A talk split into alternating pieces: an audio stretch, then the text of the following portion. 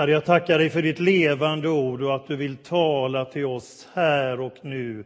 Du har ett ärende, du har stämt möte med oss. Kom och berör oss med ditt levande ord. I Jesu namn. Amen. Innan semestern, så, eh, midsommar, så talade vi från bergspredikan i Matteus 5 om eh, Jesu utmaning att vända andra kinden till, att gå den andra milen, att älska sin ovän, vad det står för. Och så mynnar det ut, som inte det vore nog eh, med krångligheter, så säger Jesus i Matteus evangeliet att var fullkomliga så som er fader är fullkomlig. Ja, det är ju godnatt, eller vad säger ni? Det är inte lätt. Först börjar det med att älska fienden och, och att hjälpa och gå andra milen och vända andra kinden till. Och så som slutkläm säger Jesus, var fullkomliga som Fadern är fullkomlig. Men det är inte ett ord för syndfrihet, utan ett ord för Guds godhet och karaktär. Och Lukas preciserar vad detta består i, och det är Lukas 6 och 36. Och det är inledningen av min predikan. Vi tar spjärn där i Lukas version av bergspredikan. Lukas 6 och 36. Och vad säger Jesus där? Jo, han säger så här. Var barmhärtiga så som er fader är barmhärtig. För det är det som Jesus talar om också i Matteus evangeliet, att Gud är barmhärtig. Han låter sin sol gå upp över både onda och goda och låter det regna över rättfärdiga och orättfärdiga. Gud är en barmhärtig Gud. Och I denna så hör vi ekot ifrån det gammaltestamentliga budet, tredje Mosebok 19 och 2. Vad står det där? Är det någon som har det på raken? Nej, det är inte så enkelt. Men där säger Gud så här, var heliga, ni ska vara heliga, ty jag, Herren, er Gud, är helig. Och vad säger Jesus i Nya testamentet? Var barmhärtig, ty jag, er fader, är barmhärtig.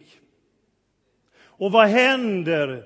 Jo, Jesus ger heligheten, Guds helighet, ett ansikte. Och det ansiktet, mina vänner, är barmhärtighet. Var barmhärtiga så som er fader är barmhärtig.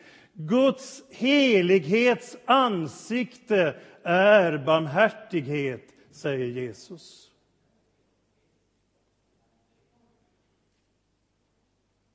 Genom barmhärtighet mot din nästa så liknar du Gud. Och jag vågar påstå, vi kan inte bli mer gudslika, säger Jesus, än när vi delar Guds barmhärtighet till vår nästa.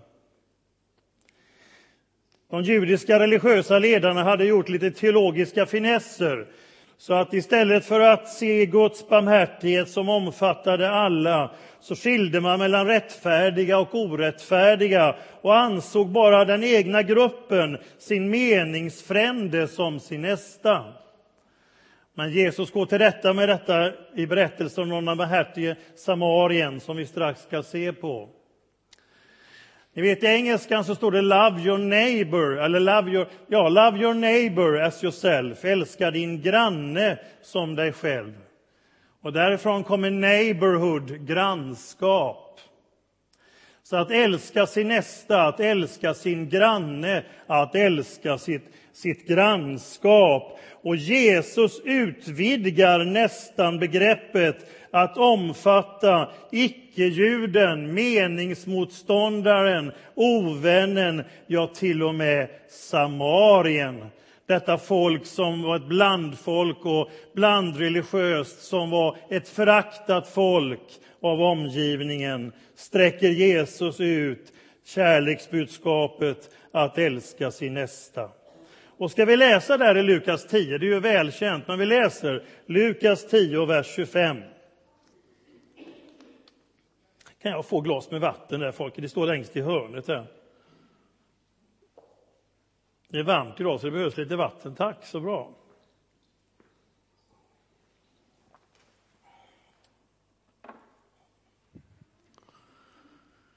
Lukas 10, vers 25. En laglärd som ville sätta Jesus på prov reste sig och sa Mästare, vad ska jag göra för att vinna evigt liv? Jesus sa, vad står det i lagen? Hur lyder orden? Han svarade, du ska älska Herren din Gud av hela ditt hjärta, med hela din själ och med hela din kraft och med hela ditt förstånd och din nästa som dig själv. Jesus sa, det är rätt, gör det så får du leva. För att visa att han var rättfärdig sa mannen till Jesus, och vem är min nästa då? På den frågan svarar Jesus, en man var på väg från Jerusalem ner till Jeriko och blev överfallen av rövare. De slet av honom kläder och misshandlade honom och sedan försvann de och lät honom ligga där halvdöd. En präst kom samma väg och när han såg mannen vek han åt sidan och gick förbi. På samma sätt med en levit, alltså tempelpersonalen, som kom till platsen. När han såg honom vek han åt sidan och gick förbi. Men en samarier som var på resa kom och fick se honom ligga där. Han fylldes av medlidande. Han gick fram och hällde olja och vin på såren och förband dem. Lukas som är läkare han är noga med sådana här detaljer. Eh, oljan var ju smärtstillande och vinet var då renande, desinficerande för såren.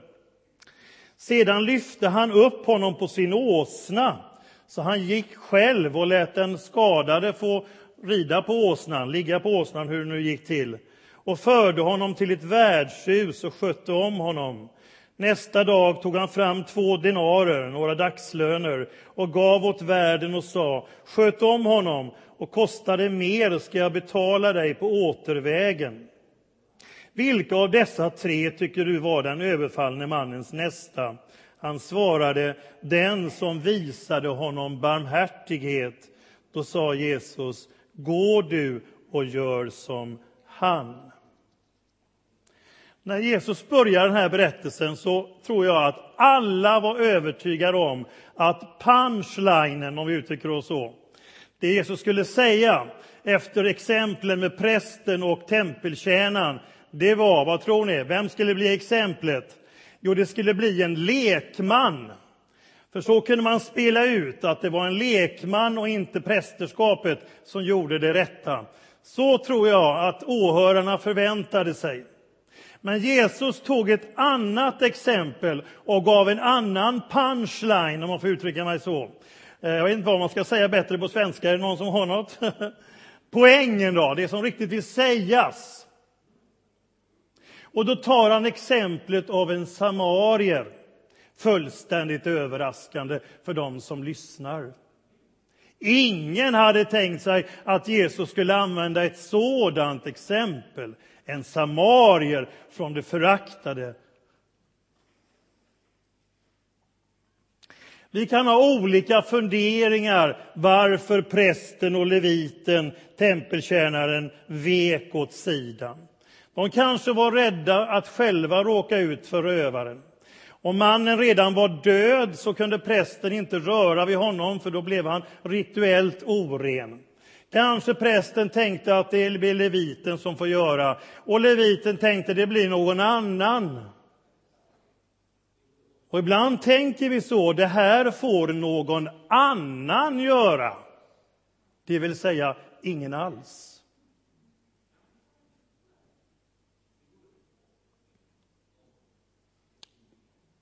Någon annan, ingen alls. Men samarien var fylld av medlidande. Han var ju inte den här mannens granne egentligen, det var ju prästen och leviten.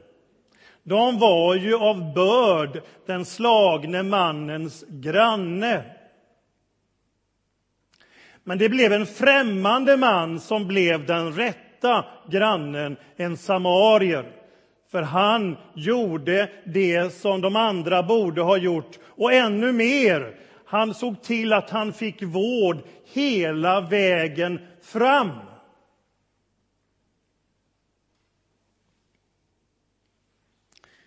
Jag har sjungit om kärleken och kärleken är som ljuset. Det sprids överallt. Det går liksom inte att isolera och bara lysa lite här om du tänder i ett rum. Och så är Guds kärlek, den strålar ut överallt. Den är inte reserverad för en liten grupp. Den är för alla.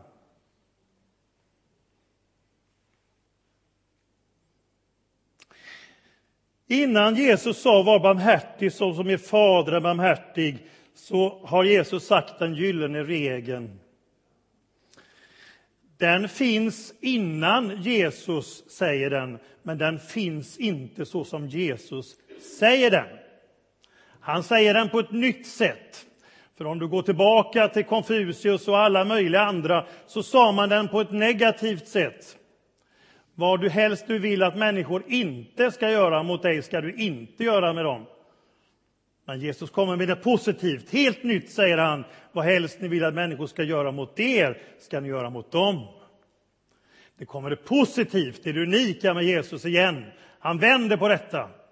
Aktivt, progressivt, engagerat. Och frågan kommer, såg inte prästen och leviten och samarien samma sak? Så som man ser och betraktar en människa, så behandlar man henne.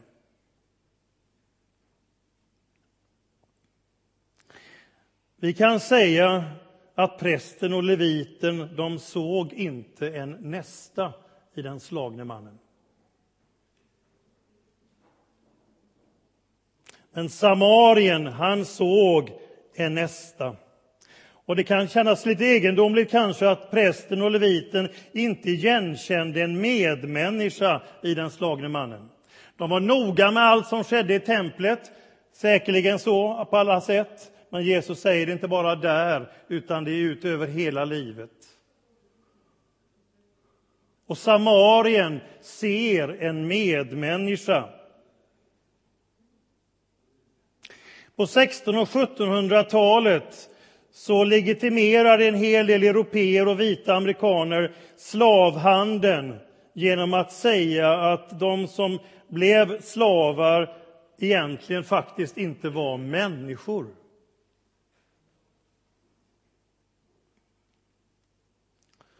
Man igenkände inte en människa, inte en medmänniska.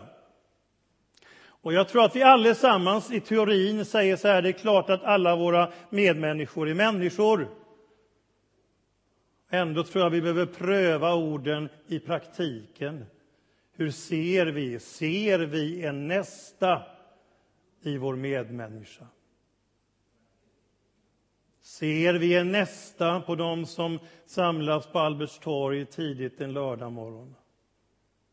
Ser vi en nästa i de EU-immigranter, eller egentligen är man inte immigranter för man rör sig i EU, så man är egentligen inte en immigrant.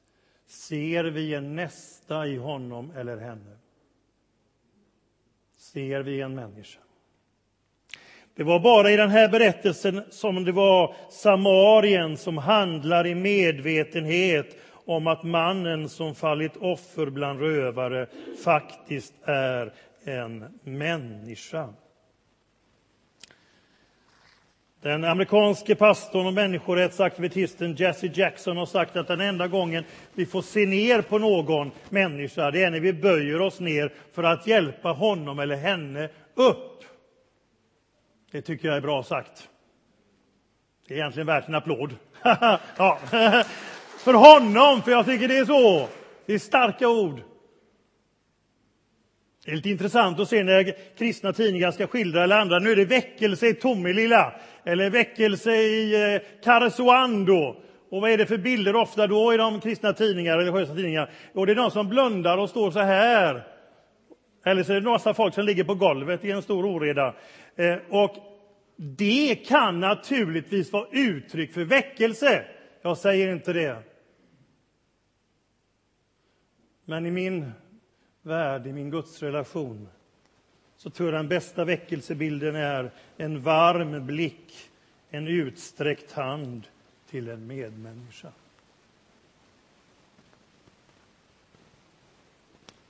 Till sist ska vi också läsa några versar ur det välkända sammanhanget i Lukas 15.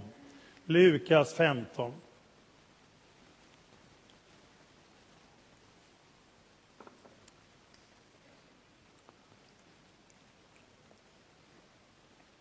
Jesus är kritiserad för eh, vem han umgicks med och vem han åt med. De religiösa experterna och de som visste verkligen hur Gud var, var så irriterande och störda av hur Jesus agerade. Och man ifrågasatte hans auktoritet att undervisa därför att han umgicks med sådana människor. Lukas 15 och 1. Alla tullindrivare och syndare sökte sig till Jesus för att höra honom. Fariséerna och de skriftlärda förargade sig och sa den mannen umgås med syndare och äter med dem. Ja. Fariséerna såg inte fram emot att Gud skulle frälsa syndare utan för att han skulle straffa dem. Ja, det låter makabert, men så var det.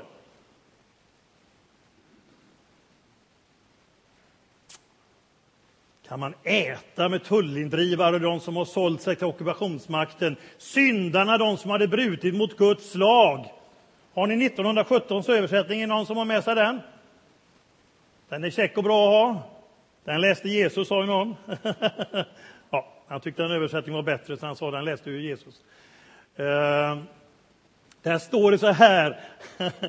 Allt vad syndare och tullindrivare hette, står det. Kreti och plete ska vi säga på göteborgska. Allt! De som hade öron för att höra, säger Jesus innan, de kom. Och varför var de så uppretade? Jo, hur kunde Jesus umgås sådana? Guilty by association, säger vi skyldig genom samrör eller säg mig vem du umgås med och jag säger vem du är. Det blir inte lätt om man skulle ha den devisen och så sätta det på Jesus. Han överraskade fullständigt. Till hans bord var alla välkomna, för det var nådens bord. Fariseernas bord fick bara de komma och äta som uppfyllde lagen och renhetsföreskrifterna. De som var perfekta, de som så att säga var rena, de fick vara med. Men vid Jesu bord fick alla vara med, vid nådens bord. För hans bord skapade renhet. Det är hela evangeliets kärna, vågar jag säga. Hans bord skapar renhet. Alla var välkomna. Och så säger Jesus de förunderliga tingen eh, i berättelsen här som kommer av det förlorade fåret. Ni vet, det fattas ett får, 99 är i follan och heden ger sig ut för att leta. Han letar inte allmänhet en liten stund och sen var det inget mer, utan han letar tills han finner det.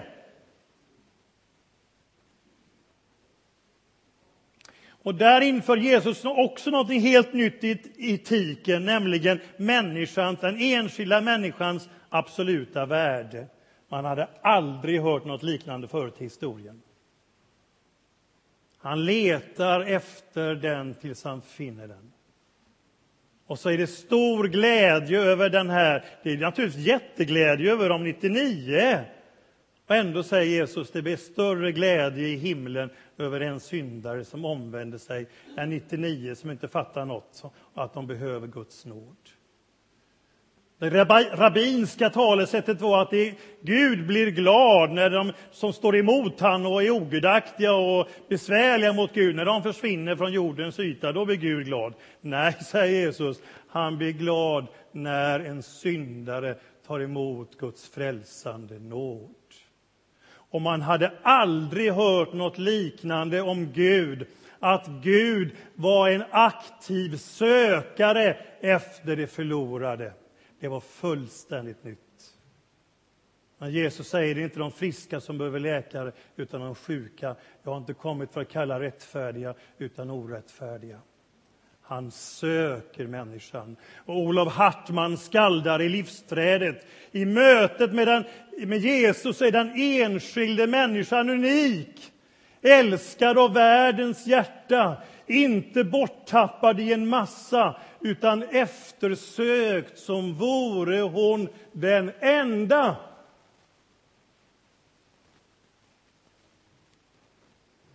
Och så är det berättelsen om kvinnan som förlorar från sin bröllopskrona ett mynt och hon, hon letar tills hon finner det. Och så säger Jesus, det är stor glädje i himlen.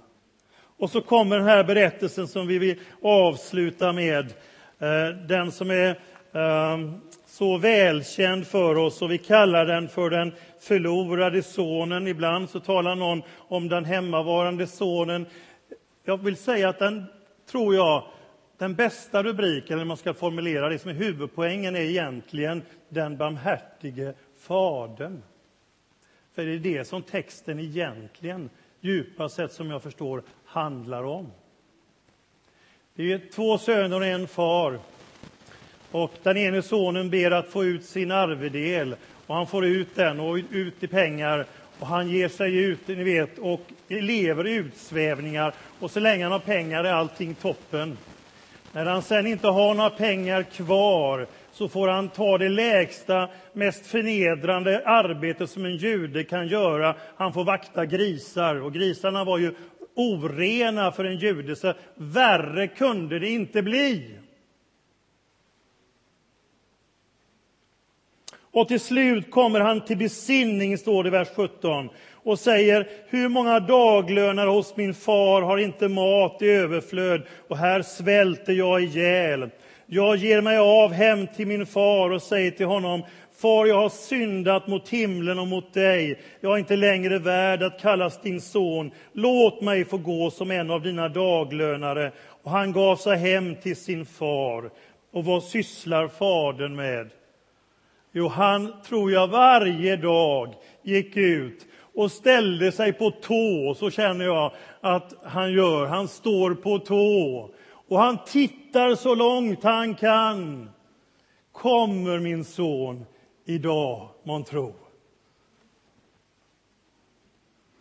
Redan på långt håll fick fadern syn på honom. Och vad gör han? Står han där? Ja, nu ska han minsann, nu får han komma hem och jag kan säga vad var det jag sa.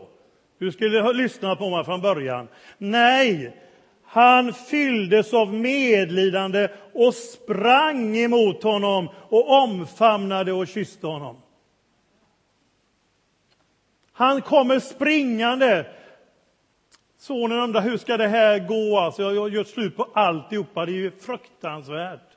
Jag har ingenting att komma med.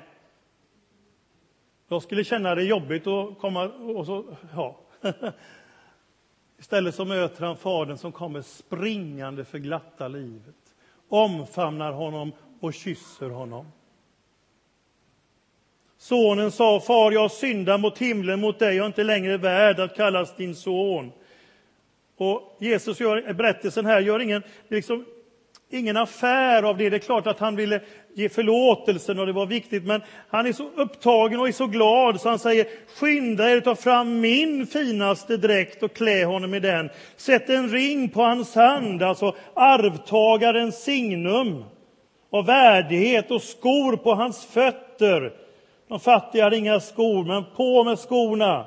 Hämta gödkalven som man bara använder vid speciella festligheter. Slakta den, så skall vi äta och hålla fest. Min son var död och lever igen. Han var förlorad och är återfunnen. Och festen började och det står att det är musik och dans. Ja, jag vet inte om uttrycket tillåts, men Gud är en riktig festfixare. om inte ni visste det förut. Jesus älskade måltiden. Kristendomen har det centralt med måltidsgemenskap. Den himmelska visionen är ju det stora gästabudet, eller hur? Att sitta till bords med Jesus en gång. det komma från öst och väst. Det komma från syd och nord att sitta till bords med Jesus en gång och höra hans välkomstord. Att honom förklarad se och skåda hans härlighet. Taga del i sång och spel en salig evighet. Ja, det blir grejer det! Ja, jajamän! Det blir grejer det. Gud älskar festen och glädjen. Och han ställer till med en härlig fest. Och sen vet vi berättelsen att det var jobbigt för, för, för den hemmavarande sonen, men Jesus säger allt mitt är ju ditt, det finns ju här, gläd dig. Min son var död, men han är återfunnen. Och det är stor glädje och omfamnande. Och då till allra sist, jag har sagt det en gång, men nu är det till sist.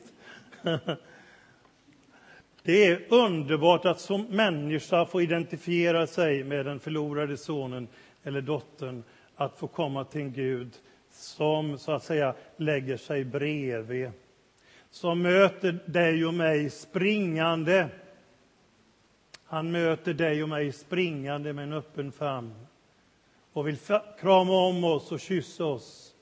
Jag har längtat så efter dig.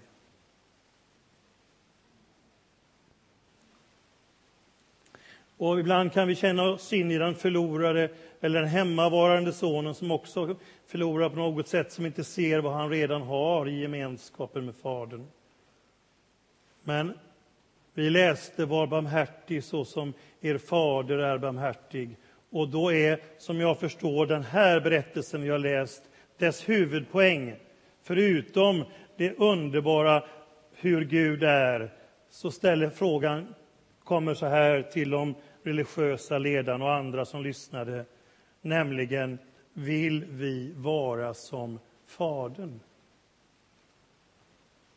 Vill jag vara som Fadern, inte bara endast den som blir förlåten, utan även den som förlåter.